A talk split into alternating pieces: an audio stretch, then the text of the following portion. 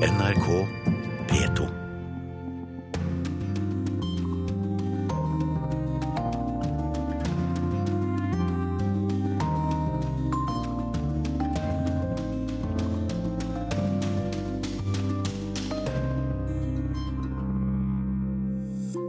Er vi mediefolk en slags PR-agenter for terroristgrupper? Ja, det er dere. Sier terrorforsker Thomas Hegghammer. Drap på en kvinne som sloss mot sine voldtektsmenn, har skapt voldsomt sinne i Tyrkia. En ung norsk vanningeniør har bodd de to siste årene i det lukkede Nord-Korea. Det hadde sine utfordringer. Det er ikke mulig å få en privat relasjon eller et privat vennskap med en koreaner. Det har ikke vært mulig. Og hva er det med afrikanske ledere som går fullstendig over stag når de får makt og posisjoner? Ingen overgår Idi Amin, Ugandas gale hersker fra 70-tallet. Han dro på safari og mente elefantene viftet med ørene for å hylle ham.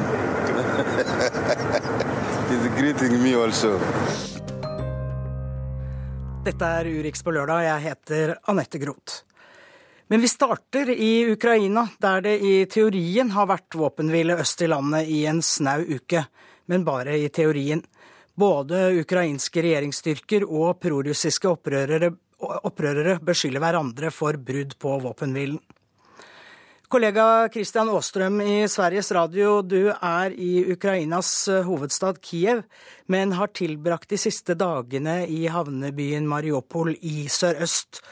Og hvordan var situasjonen der? Ja, det var strider 20 km öster om Mariupol i en by som heter Sjurokin och, och några andra grannbyar. Och när man var i Mariupol så kunde man höra artillerielden. Och jag träffade även eh, befäl och soldater från den ukrainska armén och Azov-bataljonen. Och de talade om eh, pågående strider och att eh, trycket ökade på dem och att de, de hävdade att om inte de fick artilleriunderstöd så skulle de vara tvingade att lämna då den här byn och var nästa anhalt Mariupol. Eh, detta har inte hänt än men samtidigt har vi nu fått rapporter om och det berättade de här befälen också att det var en upptrappning av eh, styrkor, materiel, artilleri på den pro-ryska pro-separat, pro-ryska separatistiska sidan. Mariupol er en strategisk viktig by. Hvorfor er den så viktig? Ja, dels har du stålindustrien i Mariupol Og den her Stålindustrien levererer nå stål til vapenfabriker bl.a. i Kiev og i, i Charkiv, bland der man tilverker stridsvogner. Men sen er det også en hamnstad og det er den enda store hamnstaden som Ukraina har i Azovska havet. Ser vi rent strategiskt eh, så är det ju har man intagit Mariupol sen finns det bara en landsträcka ganska enkelt att gå vidare ner mot Krim om nu det finns en rysk ambition att få den här landkorridoren till Krim. Så du bekrefter altså at eh, noen vapenvila det er det heller ikke der hvor du har vært? Det er ingen vapenvila, Det er ingen som har talat om noen våpenhvile. Kristian Aastrøm for Sveriges Radio i Kiev, takk skal du ha. Kampene fortsetter altså. Våpenhvilen ser ut til å være veldig lite verdt. Organisasjonen for sikkerhet og samarbeid i Europa, OSSE, de sier at situasjonen i Ukraina nå er kritisk. Men i den svært ødelagte byen Debaltseve er folk glade for å kunne komme ut av kjellerne sine etter uker med voldsomme kamper.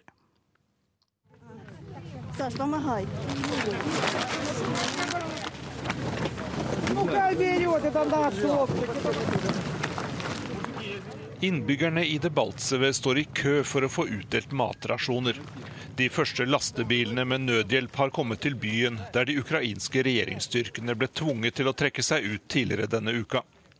I ukevis har folk levd i kjellere mens bomber og granater har regnet over byen. Nå mangler de nesten alt. Крупы, масло подсолнечное, больше ничего. Хлеба уже неделю не едим. Не есть, не пить, нет. Дом ли есть? Vi har ikke sett brød på over en uke. Vi har ingenting å spise, ingenting å drikke. Det som ikke har blitt ødelagt av skytingen, har blitt stjålet, sier disse kvinnene. De er glade for at det nå ikke er noen krigshandlinger inne i byen, men tungt skyts kan høres i det fjerne.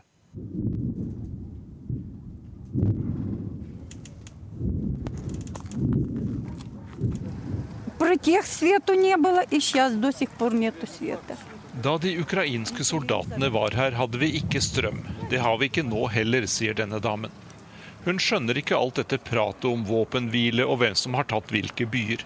Og akkurat på dette punktet er virkelig mye uklart. We call on Russia and the separatists it backs to stop their attacks immediately, withdraw heavy weapons, halt the flow of fighters and equipment from Russia into Ukraine, allow the OSCE monitors to do their job and proceed with Russland og separatistene som landet støtter, må øyeblikkelig stanse sine mange angrep, sier Jen Psaki, som er talskvinne for det amerikanske utenriksdepartementet.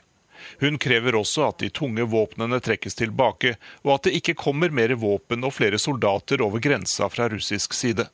Dessuten må observatørene fra Organisasjonen for sikkerhet og samarbeid i Europa, OSSE, få slippe til alle steder, slik det åpnes for i fredsavtalen som ble undertegnet i Minsk.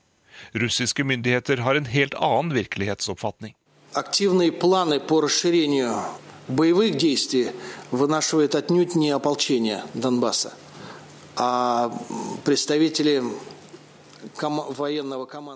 det er ikke separatistene som fortsetter kampene, sier Aleksandr Lukasjevitsj, som er talsmann for det russiske utenriksdepartementet. Han mener at det er ukrainerne som er den aggressive parten i denne konflikten. En av separatistlederne hevder også at det nå gradvis blir roligere langs fronten i Øst-Ukraina. Men den ukrainske presidenten sier at vestlige land ikke må la seg lure av propagandaen fra russisk side og fra separatistene. Ми бачимо це як найкращий для нас формат це поліцейська місія Євросоюзу. Впевнені в тому, що це буде найбільш ефективним і найбільш оптимальним. Det som trengs i Øst-Ukraina nå er en politistyrke fra EU, sier den ukrainske presidenten Petro Porosjenko. Han mener at en slik styrke vil kunne overvåke våpenhvilen og gjøre regionen mer stabil. Men dette forslaget blir avvist på russisk side, og heller ikke EU ser ut til å være særlig ivrig etter å gjennomføre ideen. USA har i lengre tid vurdert om det er på tide å forsyne Ukraina med moderne våpen. Den siste ukas kamper har vist tydelig at den ukrainske hæren er fullstendig underlegen når den møter godt trente russiske soldater med moderne skyts. Flere europeiske land sier nei til våpenleveranser. De frykter at konflikten i Øst-Ukraina raskt kan utvikle seg til en storkrig. Russiske myndigheter er også ganske klare på dette punktet. Деятельность Североатлантического альянса у российских границ, наращивание военной активности, в том числе через создание Nato-alliansens militære oppbygging langs Russlands grenser er en direkte trussel mot den russiske føderasjonens sikkerhet, sier det russiske utenriksdepartementets talsmann. Dermed er det også klart at Russland vil gjøre svært mye for å hindre at denne trusselen blir større.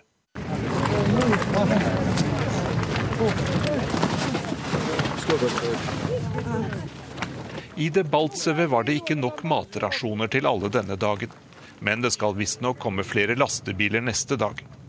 For innbyggerne her dreier det seg nå om å overleve fra dag til dag. Det er ikke sikkert at de er klar over at de befinner seg midt i et dramatisk politisk spill mellom øst og vest, der utfallet fortsatt er svært uvisst. Ja, det sa reporter Jan Espen Kruse.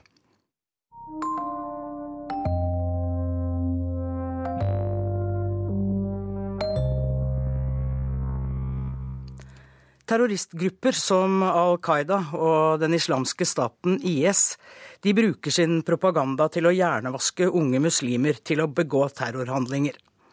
Det sa president Barack Obama da han tok imot ledere fra 60 land i Det hvite hus denne uken.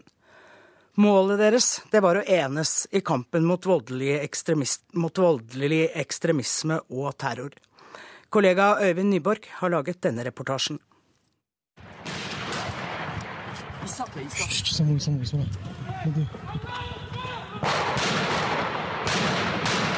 De gjemmer seg på et hustak mens to terrorister skriker Allah akbar. Terroren rammer Paris og Charlie Hebdo. Et kamera fanger to svartkledde brødre som henretter en politimann på åpen gate. En hel verden holder pusten i over et døgn mens TV sender direkte fra jakten på terroristene som har slått til i Europas hjerte. Jeg er løytnant Muati Safi Josef al-Kasebe, sier den jordanske piloten som var holdt fange av IS. På en video som går verden rundt, får vi se hvordan han i oransje drakt vandrer rundt i en utbombet by omringet av hellige krigere. Så blir han satt i et stort bur og satt fyr på. Det er en terrorhandling uten sidestykke. Order. Questions to the Prime Minister. Mr. Phil Wilson. Britenes David Cameron setter ord på Vestens reaksjon. I'm sure the whole House will join me in condemning the sickening murders in Syria. I can assure the House that we will not stop until the murderous ISIL extremists behind this and their poisonous ideology are eradicated. Den ekstreme islamistiske gruppa IS har hatt stor suksess på sosiale medier. Det går knapt en dag uten at det dukker opp en tweet, noe fra nettsamfunn diaspora, eller en video eller bilder med de hellige krigernes budskap. Slik viser de hvor fryktinngytende de er. De gir makt til å tvinge til seg mer penger fra kriminell virksomhet, smugling, våpenhandel og kidnappinger. Teknologien blir en ny fiende. Barack Obama. We have to be honest with ourselves. Terrorist groups like Al Qaeda and ISIL deliberately target their propaganda in the hopes of reaching and brainwashing young Muslims. The high quality videos, the online magazines, the use of social media, terrorist Twitter accounts, it's all designed to target today's young people online in cyberspace. Fenomenet er likevel kanskje ikke helt nytt. Osama bin Laden hadde en tendens til å dukke opp på skurrete videoer tatt med et dårlig kamera med en kalasjnikov i hånda. Hans mål var også et kalifat. Men det er over ti år siden nå. Nå når de oss med henrettelser på mobilen, et nettbrett eller en laptop. Og på nyhetene verden over. Thomas Hegghammer, velkommen hit. Takk. Du er terrorforsker ved Forsvarets forskningsinstitutt, og i Klassekampen denne uken så sier du at mediene gjør terroren mer effektiv. Er vi mediefolk nærmest PR-agenter for terroristene når vi snakker om hva de gjør? Ja, det er dere. Uten media, ingen terror. Terrorismens moderne historie følger mediehistorikken tett. Vi får moderne terrorisme siste halvdel av 1800-tallet, samtidig som trykk, trykkpressen eh, utvikles. Selvfølgelig godt hjulpet av dynamitten, som oppfinnes på samme tid. Vi ser også mot slutten av 1900-tallet at eh, en del av de taktiske aspektene med terrorismen endrer seg i takt med teknologiske utviklinger i medieverdenen. F.eks. at man på 70-tallet fikk muligheten til å sende direkte utover studio håndholdte kamera og sånn. Da begynte man å få flere eh, sånne beleiringer og sånne dramatiske situasjoner hvor media kunne komme og dekke og, litt over tid eh, direkte. Så så vi også på slutten av 90-tallet, begynnelsen av 2000-tallet, når internett kom. Da forandra det også eh, taktikkene til terroristene. Ja, Hva betyr sånn som sosiale medier for terroristene? Ja, det betyr at eh, de har en egen kanal som de kan bruke i tillegg til vanlige medier. Hvor de kan snakke uforstyrra, få frem sin versjon av saken. For før internett så var de enda mer avhengig av et godt forhold til journalister for å få ut budskapet sitt. For det er det de vil. Men når de fikk internett, så trengte de journalistene litt mindre, og så begynte de å drepe dem. Så det er fra 2000 og fremover at man begynner å se drap på, på journalister. Begynner med Daniel Pearl 2002. Og, og, og, og, etter det har det, har det blitt nærmest umulig for journalister å intervjue de aller mest radikale gruppene. Men de poster altså sine egne videoer på internett, og i ganske mange tilfeller så tar vi mediefolk og bringer dem videre. Vi er deres PR-agenter, sier du, men kan vi tie dem i hjel? Og vil det være riktig å tie dem i hjel? Jeg tror ikke det går an. Um, fordi For det første så er det stor etterspørsel i befolkningen eh, når det skjer ting. Folk vil vite hva det er som har skjedd, eh, og hva vil de som gjorde det her. Eh, og noen må møte den etterspørselen. Og for det andre så er det jo, så er ikke media en enhetlig aktør, men en klynge med masse forskjellige aktører som konkurrerer med hverandre. Så hvis noen, hvis en journalist eller et mediehus prøver å ignorere en hendelse, ja, så vil noen andre dekke det og tjene pengene. Eh, vi kan ikke forvente at enkeltjournalister eller enkelte aktører skal måte, ignorere terrorismen. Eh, vi må, vi, det, det, må bli sånn at de dekker det. Men resultatet, summen av det hele, er eh, en uheldig situasjon hvor terror får mye mer oppmerksomhet enn den fysiske skaden skulle tilsi. Tror du det at vi dekker såpass mye som vi gjør, kan tiltrekke seg f.eks. en ung og ubefestet sjel som eh, kan få ideer, og kanskje slutte seg til en gruppe? Ja, det tror jeg. Eh, og det er jo det som er målet med eh, aksjonene. At gruppen og saken skal få oppmerksomhet, sånn at nye rekrutter slutter seg til. At de vinner over en del av befolkningen til sin side. Men du, du er jo terrorforsker og forteller oss om disse forskjellige gruppene og hva de driver med. Er ikke du også på en måte med på å gå terroristenes ærend? Jo, det kan du si. Vi har jo eh, et stort ansvar. Det er jo en del som mener at eh, i hvert fall noen i min bransje, i terrorismekommentariatet, eh, er med å hause sakene. At, at vi er med på det her fordi vi tjener penger på det eh, og, og, og, blir berømt for det. Eh, og det er klart at det er noe i det. Eh, men det er vanskelig å, å unngå. Jeg tenker som så at ja, hvis ikke jeg gjør det, så er det noen andre som gjør det. Og, og ved å være med, så kan jeg få frem mine synspunkter og kanskje bidra til å ta, ta debatten litt ned, eller, eller, fremheve de tingene som jeg syns er viktige. Men helt klart, vi er en del av gamet, vi òg som vi journalister er det. Tusen takk skal du ha, Thomas Hegghammer.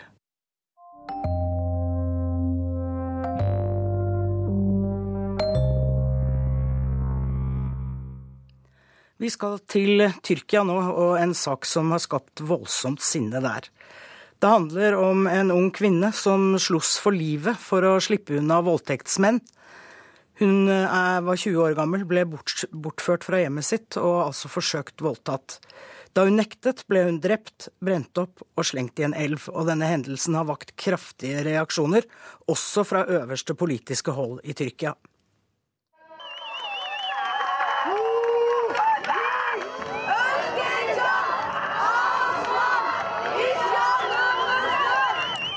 Med tydelige og taktfaste rop tar de et oppgjør. Et oppgjør med et kvinnesyn som de mener er forkastelig. Stopp drapene på kvinner er et av de mange slagordene som denne veka har blitt ropt i gatene i flere tyrkiske byer. De fleste demonstrantene er unge kvinner som sjølve har kjent på kroppen hvordan det er å bli diskriminerte og truga bare fordi de er kvinner.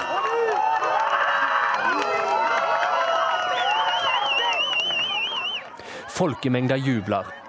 De jubler fordi fem kvinner har turt å trosse politiet nå ble kvinnene arresterte fordi de tok med seg et banner og klatra opp på en bygning ved Taksimplassen i Istanbul.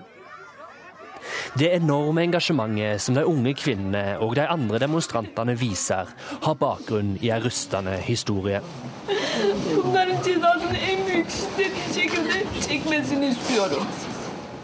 Ei mor kan ikke la være å gråte.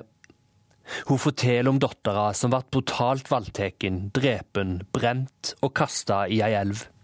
Onsdag denne veka ble 20 år gamle Øvgijan Aslan kidnappa av en mannlig sjåfør. Hun forsto fort hva mannen var ute etter, og hun valgte å kjempe mot hans forsøk på overgrep. Det skulle koste dyrt. I basketaket mellom de to ble Øvgijan stukket inn med kniv og slått i hovedet med et røyr. Et forbrent lik ble senere funnet på ei elvebredde. Øvgijan hadde måttet bøte med livet. Sjåføren, far hans og en venn er nå sikta for å stå bak drapet.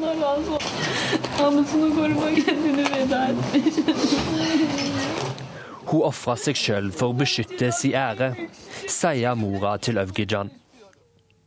Historia om den 20 år gamle studenten er vond å høre på. Men den er heller ikke unik. I fjor ble nesten 300 kvinner drepne i Tyrkia. Vold og seksuelle overgrep er også en utfordring.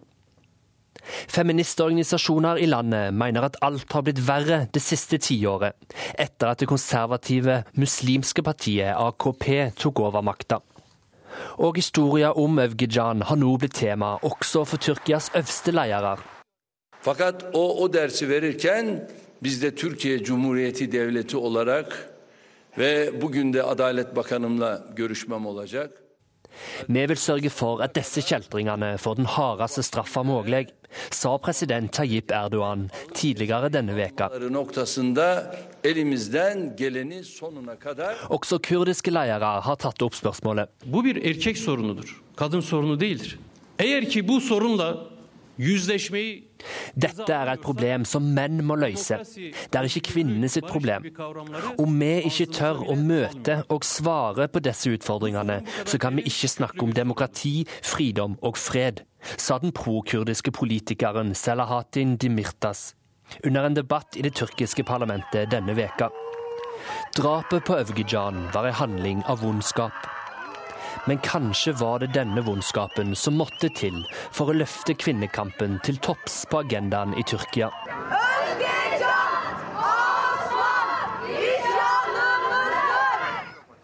Det skal i alle fall ikke være den minste tvil om at landets unge kvinner nå er klare for å kjempe. For seg sjøl og for Evgijan. En rystende sak som har eh, fått tyrkerne til å gå i gatene. Det var Vegard Kjørom som hadde laget denne reportasjen.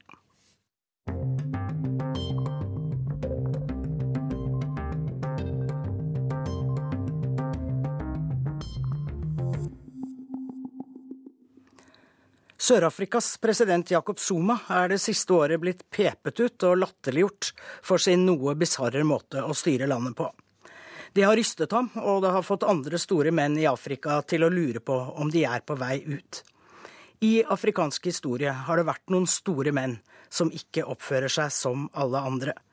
NRKs afrikamann Tom Christiansen, han kjenner godt til The Big Men. Lufta revner av hylende sirener i Zimbabwes hovedstad Harare. President Robert Mugabe er på vei til kontoret. Det er åtte kvartaler og sparsom trafikk, men han kommer med full motorsykkelkortesje, blå blinkende lys, fulgt av en militær lastebil med 20 tungt væpnede soldater. The Big Man er klar for dagens oppgaver. Samtidig står Jakob Zuma opp fra en av sine fire ektesenger i Nkandla, hans private palass som har kostet skattebetalerne hundretalls millioner. De tre andre konene bor i Durban, Pretoria og KwaZulu-Natal. 14 barn har han fått med dem, de øvrige sju kommer fra kondomfrie sidesprang med meget yngre kvinner. Når han utpå formiddagen entrer sitt kontor i Pretoria, går varselet gjennom korridorene. The number one is coming. Afrikas høvdinger har hatt stor respekt og grenseløs autoritet. Kongene var innsatt av Gud, ja, de var selv guder og regjerte på vegne av den allmektige. Alt dette ble med inn i en ny verden da Vesten ga opp sine kolonier for 60 år siden. Tidligere president Feli Hofort Boignet i Elfenbenskysten flyttet hovedstaden til sin lille hjemby Yamasukro. Der bygget han verdens største kirke, en tro kopi av Peterskirken. Foran alteret er det et glassmaleri av fire evangelister, sammen med en knelende afrikaner. Han er presidentens profil. I 1966 innsatte Jean Bedel Bokassa seg selv som keiser i Den sentralafrikanske republikk.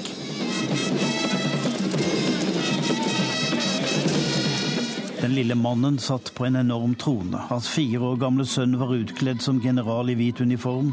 Bokassa satte så den juvelbesatte kronen på sitt eget hode. Seremonien kostet like mye som kolonimakten Frankrike årlig ga landet i bistand. Han ble etter hvert styrtet og måtte i en rettssak svare på spørsmålet om han i tillegg til å plyndre statskassa også hadde spist et par av sine landsmenn. Mobutu Sese Seko styrte Kongo som det skulle være hans personlige eiendom. En tredel av statsbudsjettet gikk i hans egne lommer. Inne i bushen hadde han flere palasser for egen fornøyelse. Han hadde toalett av gull i Kinshasa og flere hus på Rivieraen. Politisk var han en despot. Hans styresett ga for øvrig språket et nytt ord kleptokratiet. Afrikanske land har demokratiske grunnlover, men presidentene kan tolke dem. Og her er ingen som kan eller tør fortelle the big man når han går over grensene. I et slikt regime med mange rivaler må du beskytte deg. Derfor omgir de seg med folk de stoler på mer enn de som er best. Det er et hierarki blant the big men. Øverst står profetene. Det er statsledere med et enkelt levesett og liten personlig sikkerhet. Dem er det ikke mange av. Tanzanias Julius Nyerere er en, Zambias Kenneth Kaunda en annen. Den tredje er Nelson Mandela. Alle tre er dypt respektert og regnes som Afrikas største statsmenn. Mellomsjiktet består av de såkalte prinsene, disse smarte, ærgjerrige, diplomatiske og sjarmerende ledere. Noen av dem har vært frigjøringshelter og nyter respekt av den grunn. En av dem er avdøde keiser Haile Selassie av Etiopia. I decided to come myself to defend the cause of my people. Han levde i luksus, men det var ikke hans egen. De sa han stammet fra et eventyr mellom kong Salomo og dronningen Nasaba, som fikk sønnen Menelik for 3000 år siden. Halle Seilassi lot løvene ved keiserpalasset bli matet fra gullfat. Han ble sett på som en svart Messias. Det ga ham en guddommelig autoritet. En annen statsleder, Robert Mugabe, begynte som prins i big man-hierarkiet. Han var en frigjøringshelt, gjorde seg til venns med de hvite og tok politiske grep for å holde landet sammen. Han beriket seg ikke av offentlige midler og ble ikke knyttet til korrupsjon. Men han forfalt etter hvert til hovedgruppen av de store menn, tyrannene.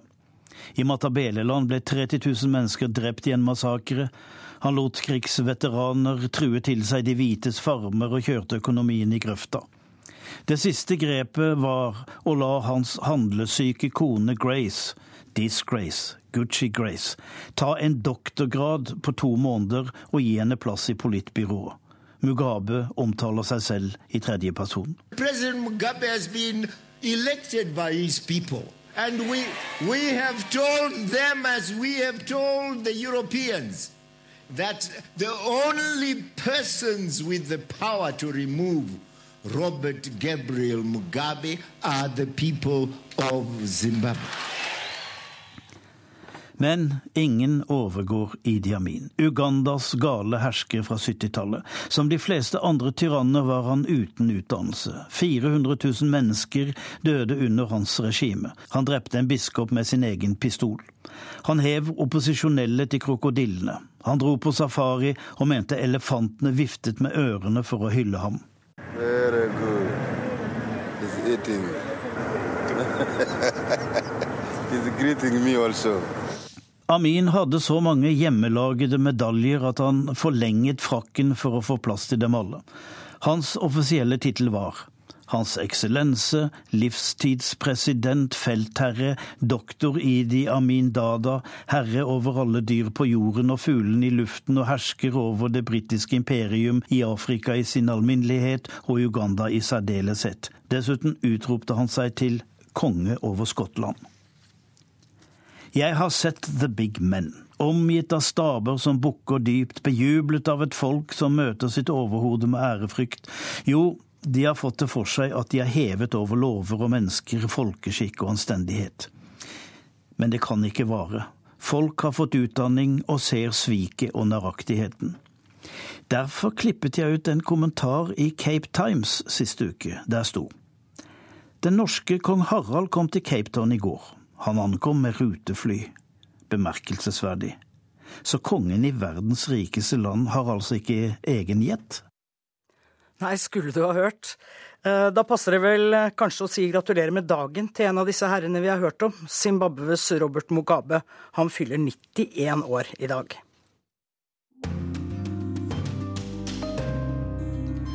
Klokken har passert 11.30 med snart tre minutter. Du hører på utenriksredaksjonens Urix på lørdag, og vi har mer å by på i den neste halvtimen. Det er tøvær mellom Cuba og USA, men meningene er delte. Vi får synspunkter fra Miami og fra Havanna. Oscar-utdelingen kan også være politikk. Morten Tyldums The Imitation Game har gitt nytt liv til homofilidebatten i USA. Og ukens korrespondentbrev, det er postlagt i London. Denne uken ville Nord-Koreas tidligere leder Kim Jong-il fylt 73 år. Kim den andre, som han blir kalt, han regjerte Nord-Korea i 17 år. Han fikk makten etter faren sin, Kim Il-sung. Og når fødselsdagen hans feires, får nordkoreanerne fri. De strømmer oppover trappene mot kjempestatuene av Kim Il-sung og Kim Jong-il.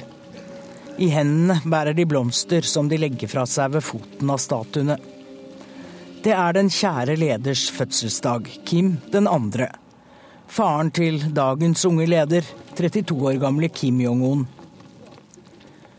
Nordkoreanerne får fri til disse masseøvelsene, og blomsternedleggelsen ved statuene skjer både på fødselsdager og dødsdager til de to første lederne i Kim-dynastiet.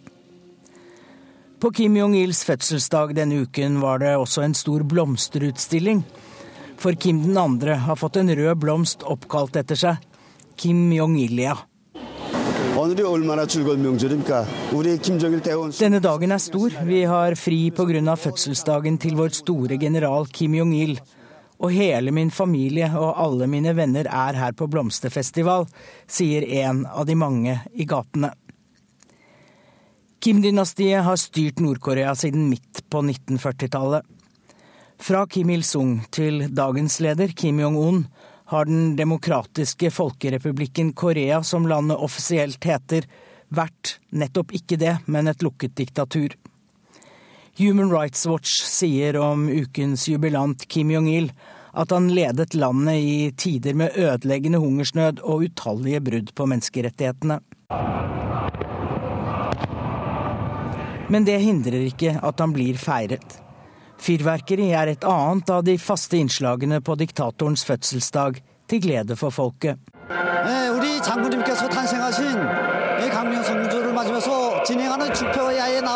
Dette fyrverkeriet er til ære for den skinnende stjerne, fødselsdagen til vår general, vår kjære leder. Vi er her med hele familien for å være med på dette og ha det gøy, sier Ri Myong-choi, som nyhetsbyrået Aps folk møtte i Pyongyang. Et sjeldent, men rituelt blikk inn i et land som pirrer nysgjerrigheten til mange. Et land som bare noen få utenfra får oppleve. Nei, det er ikke mange utenfra som får oppleve Nord-Korea, men en av dem er Marianne Steinberg. Rett før jul så kom hun hjem til Norge etter å ha bodd i Nord-Korea i to år. Hun er vanningeniør og arbeidet for Røde Kors. Som vanningeniør så var min jobb å gi rent drikkevann til de som bor i landsbyene hvor Røde Kors har prosjekter. Så hvert år jeg var i Nord-Korea, så var vårt prosjekt, eller vårt team, ga 35 000 mennesker eh, rent drikkevann til sine hjem. Bare for en størrelsesorden så betyr det ca. 15 mil med rør som ble lagt i jord i disse prosjektlandsbyene for å redusere forekomsten av diaré, først og fremst. da. Dere var i disse landsbyene, men dere bodde holdt til i hovedstaden eh, Pyongyang. og Hvordan bodde dere der? Da bodde jeg eh, i et internasjonalt kvarter, der eh, alle de internasjonale som bor i Nord-Korea, bor sammen på, på et område. Det er et område med eh, vakter som står rundt, så det er koranere som skal inn der, må ha spesiell tillatelse eller jobbe innenfor området. Hvilket inntrykk fikk du av levestandarden til, eh, til vanlige koreanere i Pyongyang? Eh, levestandarden er variert. Der er tegn i Pyongyang på forandring. Der er mer mobiltelefoner, der er biler og tilgang på flere varer og artikler som, som er kjennetegnet fra, fra Kina, som vi ser igjen, og, og, ulike typer importerte mat.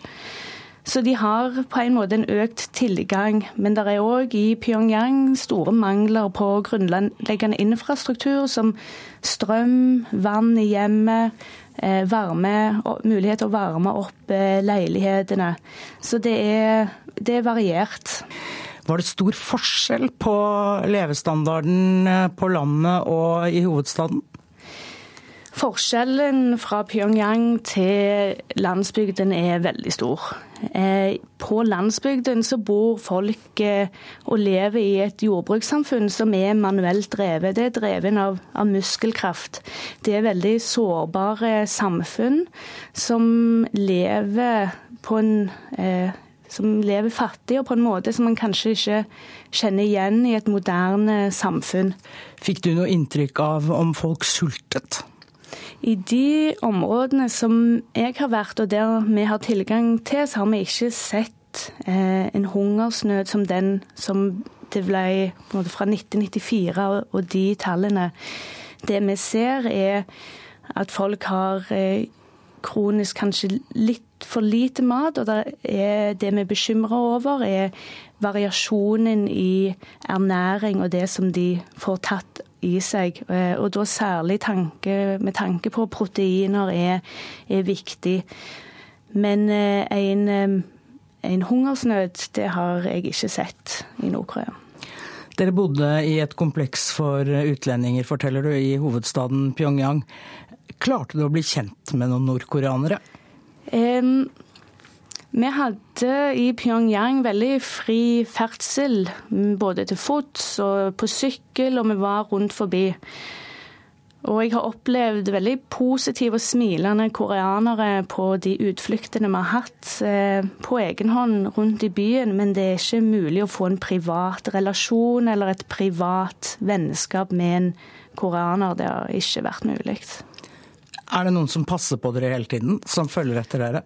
Eh, det er ikke noen som følger etter deg hele veien, men det er jo i sånn som samfunnet er bygd opp, en kultur for å ta notater og passe på å følge med. Så selv om det kanskje ikke var én det, det, var ikke sånn at det var én dedikerte som fulgte oss på våre eh, lange gåturer, men vi var jo observert hele veien. Og, og de observerer oss som de òg observerer nok hverandre. Får folk i Nord-Korea noe innblikk i, i, det som skjer utenfor deres land? De får eh, en del eh, internasjonale nyheter som da eh, selvfølgelig er presentert på en måte som passer inn i deres verdensbilde.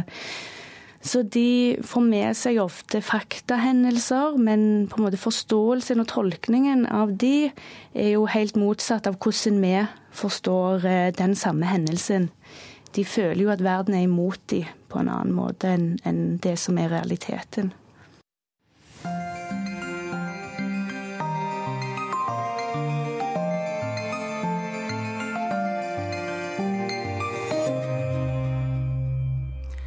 I USA er over to tredeler av befolkningen for å oppheve blokaden av Cuba, og president Barack Obama har overveldende støtte i ønsket om å normalisere forholdet mellom de to landene. Men motstanderne av normalisering de har sterke talsmenn både i og utenfor Kongressen. USA-korrespondent Gro Holm møtte en av dem. Det finnes ofre for Castro-regimet i alle Cubas provinser, forteller John Suárez der han viser meg rundt på et monument i Miami over folk som ble drept i kamp eller idet de forsøkte å krysse havet til USA. John er talsmann for en av de mange eksilorganisasjonene, Directorio Democratico Cubano. Uh, Obama Obama vil normalisere forbindelsene med et unormalt regime. Han løslot før jul en mann som sonet dobbel livstid for å ha drept tre amerikanske statsborgere, og det i bytte med en amerikaner som var tatt som gissel av cubanerne, sier John Suárez. Utsagnet viser til løslatelsen av de siste fra en gruppe på fem som spionerte for Cuba og bidro til at et småfly med amerikanere som drev med redning av cubanske båtflyktninger, ble skutt ned av Cuba i 1996. Men, sier jeg, sanksjonene har jo ikke virket. Regimet er grunnleggende det samme som i 1959. The sanctions were put in place to contain the expansion of the regime in the region, and that has worked. Sanksjonene var aldri ment å skulle endre regimet. De hadde som mål å hindre at kommunistene ekspanderte i regionen, og det virket, mener Suárez. Men hva med de mange cubanerne på Cuba som er kritiske overfor regimet, men som likevel er motstandere av blokaden? It's very difficult to get an authentic opinion about the embargo you say you support the embargo, there's a law in the books in Cuba that can put you away for 20 years in prison. Det er veldig vanskelig å få en ærlig mening om blokaden på Cuba, fordi det trues av 20 års fengsel eller til og med trussel om dødsstraff, hevder eksilcubaneren Suárez. Dagen etter intervjuet med Suárez i Miami var jeg på plass i Cubas hovedstad Havanna og hadde muligheten til å teste ut hans påstand om frykt, vel vitende om at minst 8899 mennesker, ifølge Amnesty International, faktisk ble anholdt og forhørt av politiet i fjor. På politisk grunnlag. I Cuba er det ikke noe demokrati, sier en tilfeldig eldre herre jeg stopper på gata. La bare blokaden være, selv om alle ønsker å handle med Cuba, mener Emilio Gonzales. Han oppgir hele navnet uten å blunke, ikke akkurat tegn på frykt. I gamle dager var Cuba et land som alle ville ha en bit av. Da Fidel kom, ble alt rotet til. Men er han så imot normaliseringen?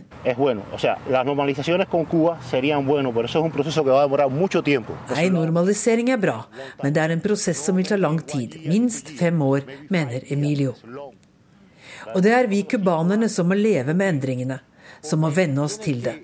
Vi er fattige, men ganske trygge nå. Vi vet ikke hvordan det blir siden. De cubanske dissidentene, de som har mistet jobber og overvåkes kontinuerlig, er svært få sammenlignet med de mange som befinner seg i gråsonen.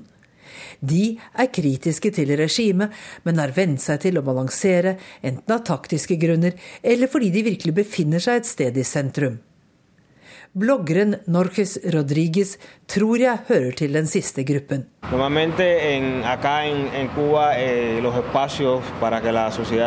Eh, Rommet som vi i det sivile samfunn har til å gi uttrykk for rastløshet i, er veldig begrenset.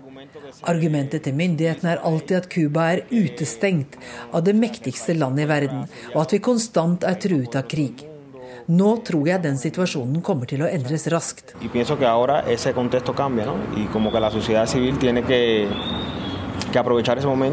Jeg mener at det sivile samfunn må dra fordel av dette øyeblikket og legge mer press på regjeringen ettersom argumentene fra fortiden forsvinner, sier Norges Rodriguez, en ung mann med mesteparten av livet foran seg. Han uttrykker på en forsiktig måte nøyaktig det som er president Obamas strategi. Normalisering og økt kontakt er en bedre strategi enn blokade for å reformere Cubas politiske system.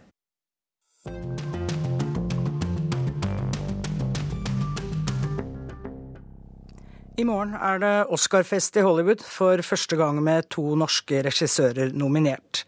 Det blir kjoler, glitter og glam, men Oscar er også politikk. Morten Tyldums The Imitation Game treffer en av de store debattene som preger USA akkurat nå, homofiles rettigheter. Kollega, Tove Bjørgaas er i Los Angeles. En gigantisk plakat lyser mot oss der vi cruiser nedover en av de brede avenyene her i Los Angeles. Vi ser ansiktet til skuespiller Benedict Cumberbatch, og med enorme bokstaver står det 'Honor the man, honor the movie'. Vis mannen ære ved å vise filmen ære. You will never understand the importance of what I am creating here. Mannen er matematikeren Alan Turing, som ble straffet for å være homofil, selv om han hadde knekt tyskernes krypteringssystem og hjulpet de allierte til å vinne andre verdenskrig. Filmen er Morten Tyldums The Imitation Game the most celebrated film of the year, is also the most honored, winning more film festivals than any other movie. Og reklameplakaten er en del av kampanjen som forsøker å overbevise det mektige Oscar-akademiet på 6000 filmfolk om at filmen om Alan Turing bør vinne Oscar for årets beste. What kind of things do they think about when they vote? There's a lot of different aspects that the Academy thinks about when voting. We know they love true stories. They love to hear about people overcoming hardship, and that's what this the Imitation Game is really about. And the staying power of this film is really noteworthy because sometimes films come and go, but people have been talking about this film for months. Oscar-akademiet elsker sanne historier. Og denne filmen har satt seg hos folk fordi den forteller en sterk og viktig historie, sier filmredaktør Rebecca Ford i The Hollywood Reporter. De mektige filmprodusentene her i Hollywood har alle drevet valgkamp for sine filmer de siste ukene. Fortsatt er det andre enn The Imitation Game som er de største favorittene til å bli beste film. Awards, Men for å overbevise Akademiet om at Morten Tyldums film bør vinne, har den mektige produsenten Harvey Weinstein fokusert på at den handler om krenkingen av en homofil mann. It's my pleasure on behalf of the Human Rights Campaign for et par uker siden fikk Morten Tyldum og resten av teamet en pris av USAs mektige organisasjon for homofile og lesbiske, The Human Rights Campaign. Den organisasjonen seiler i kraftig medvind her i USA nå. Et stort flertall av delstatene tillater nå homofile og lesbiske å gifte seg.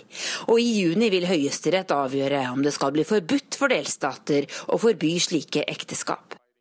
The Imitation Game treffer dermed tidsånden i USA nå, mener Rebecca Ford i The Hollywood Reporter. Yeah, I think even though the film is set in the UK, that doesn't matter because the issues are still things we're talking about today, especially in the US.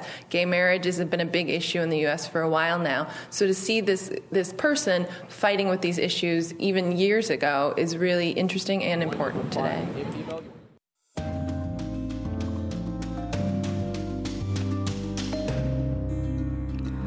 Korrespondentbrevet denne uken det er postlagt i London, en by mange av oss er glad i.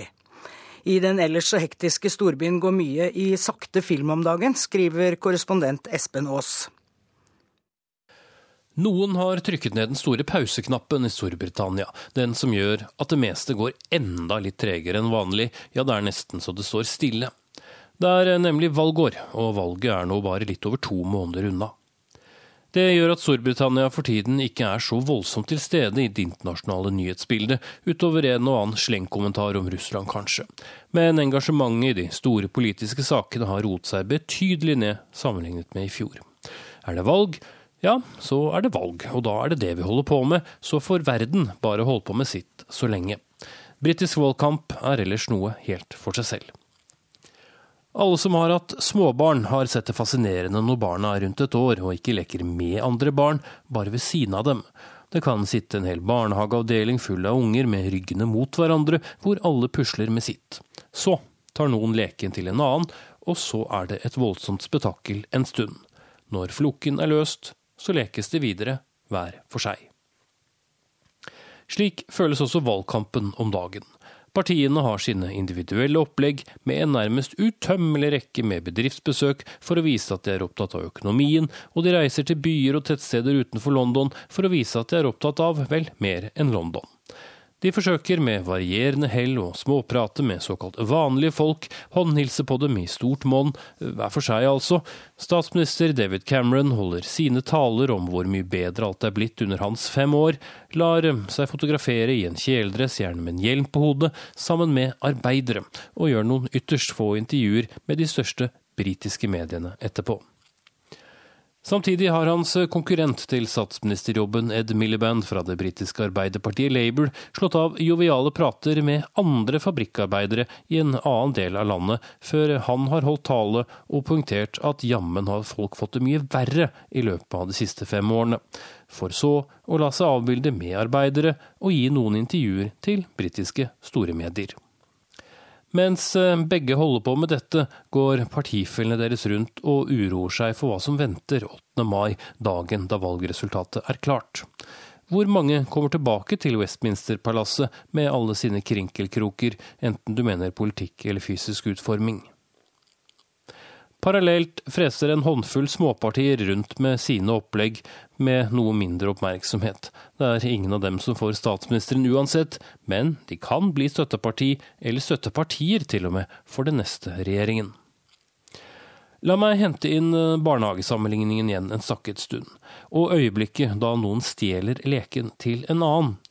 I politisk sammenheng heter det statsministerens spørretime, det ukentlige øyeblikket i Underhuset da opposisjonslederen og statsministeren høylytt latterliggjør den andres politikk, til enda mer høylytt buing eller jubel fra de andre folkevalgte, før de igjen drar hver til sitt og fortsetter valgkampen. For i motsetning til våre hjemlige valgkamper gyver de så godt som aldri løs på hverandre i TV- eller radiostudioer, iallfall ikke partitoppene. Hver for seg, men ikke mot hverandre.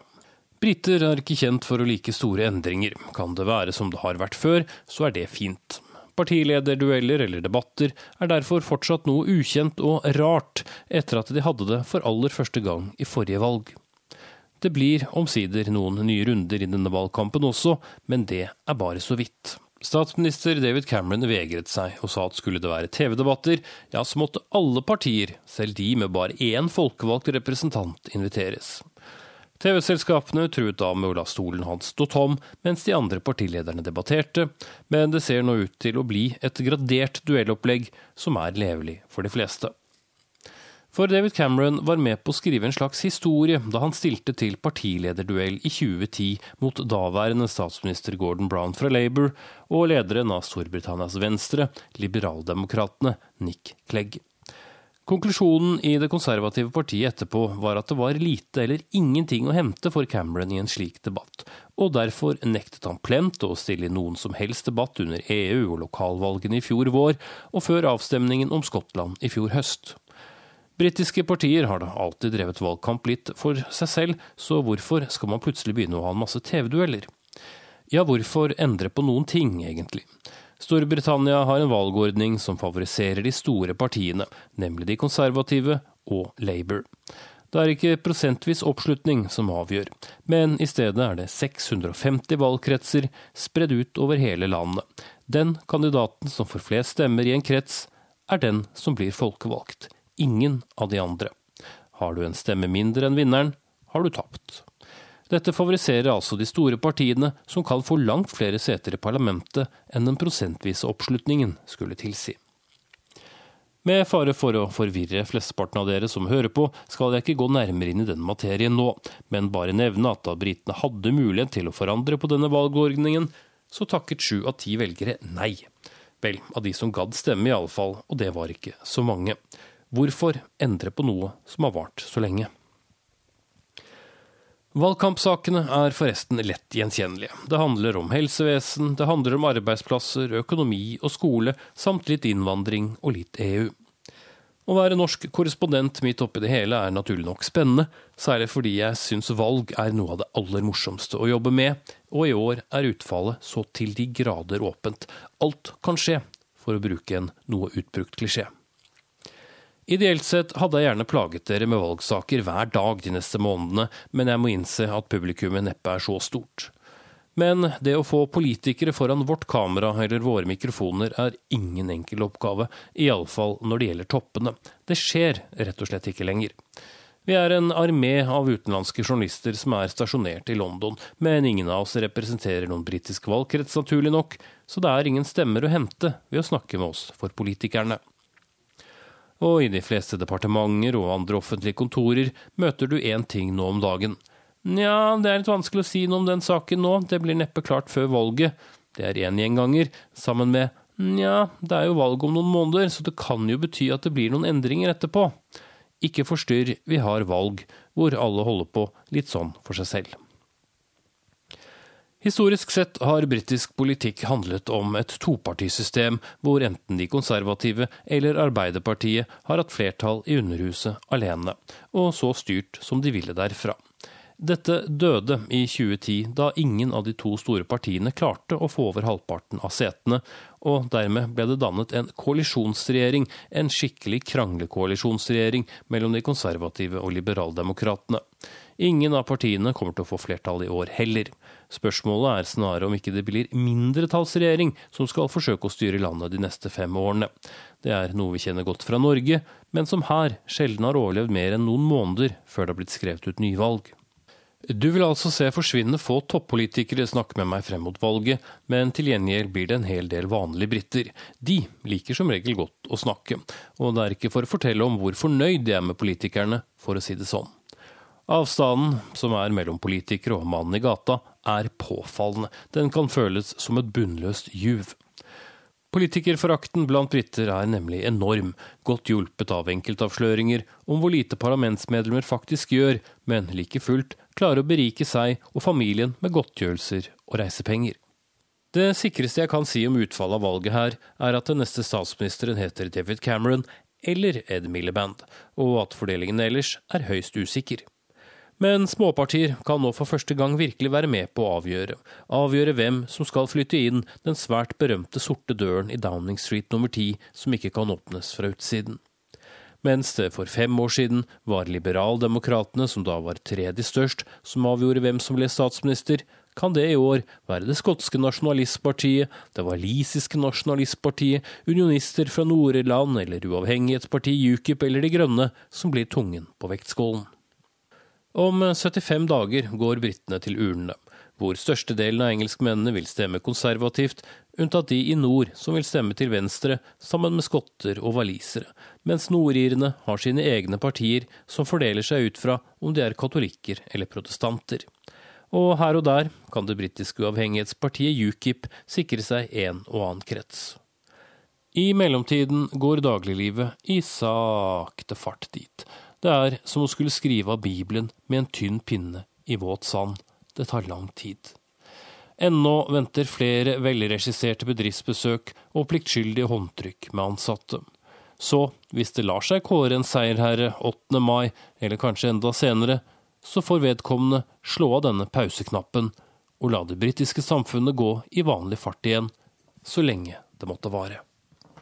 Og det var Espen Aas som satte punktum for denne utgaven av Urix på lørdag.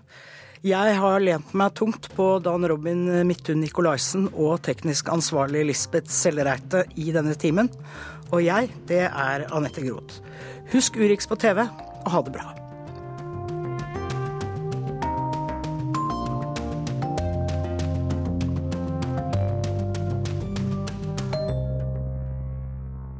Hør flere podkaster på nrk.no podkast.